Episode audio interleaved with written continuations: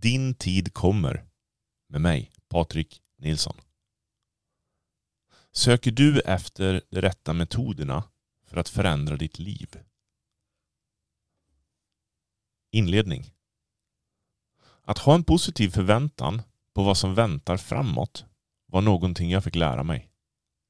Inte i skolan, utan via böcker och föreläsningar om positivt tänkande. Det blir som du tänker, heter det.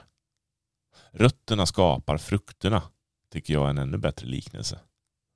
Det finns tre sätt att lära sig.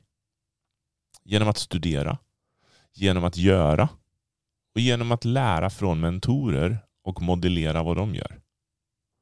Själv har jag använt alla tre sätt för att bygga upp min verksamhet och mitt liv som entreprenör de senaste åren. En av mina starkaste drivkrafter är att ge ett värde till andra. Därför skrev jag den här boken. Den är inte alltför lång för att tanken är att du ska kunna greppa den oavsett vad du har för bakgrund.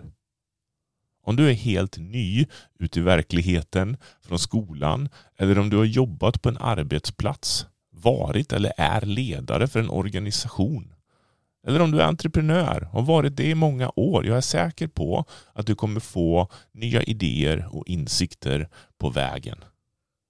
Här kan du ta del av alla nycklar och erfarenheter jag fått med mig genom min entreprenörsresa. Vilket jag är helt säker på kommer ge dig stort värde oavsett vad du har för erfarenhet sedan innan. Jag kommer skriva den här boken som om det vore ett brev till mig själv från framtiden. Vilket jag på sätt och vis önskar att det kunde vara.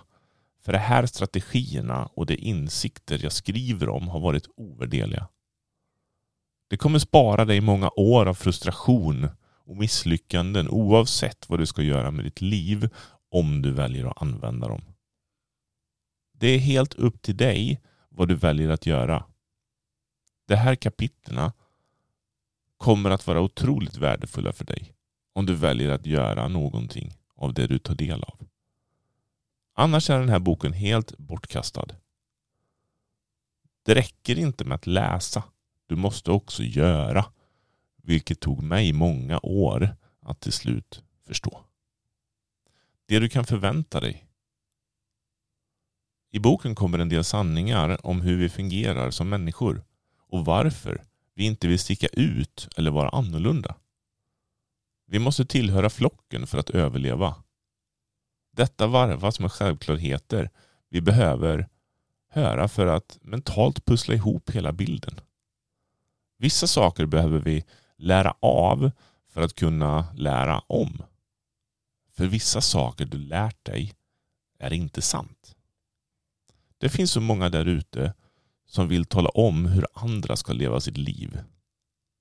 Ofta tyvärr baserat på värderingar och åsikter.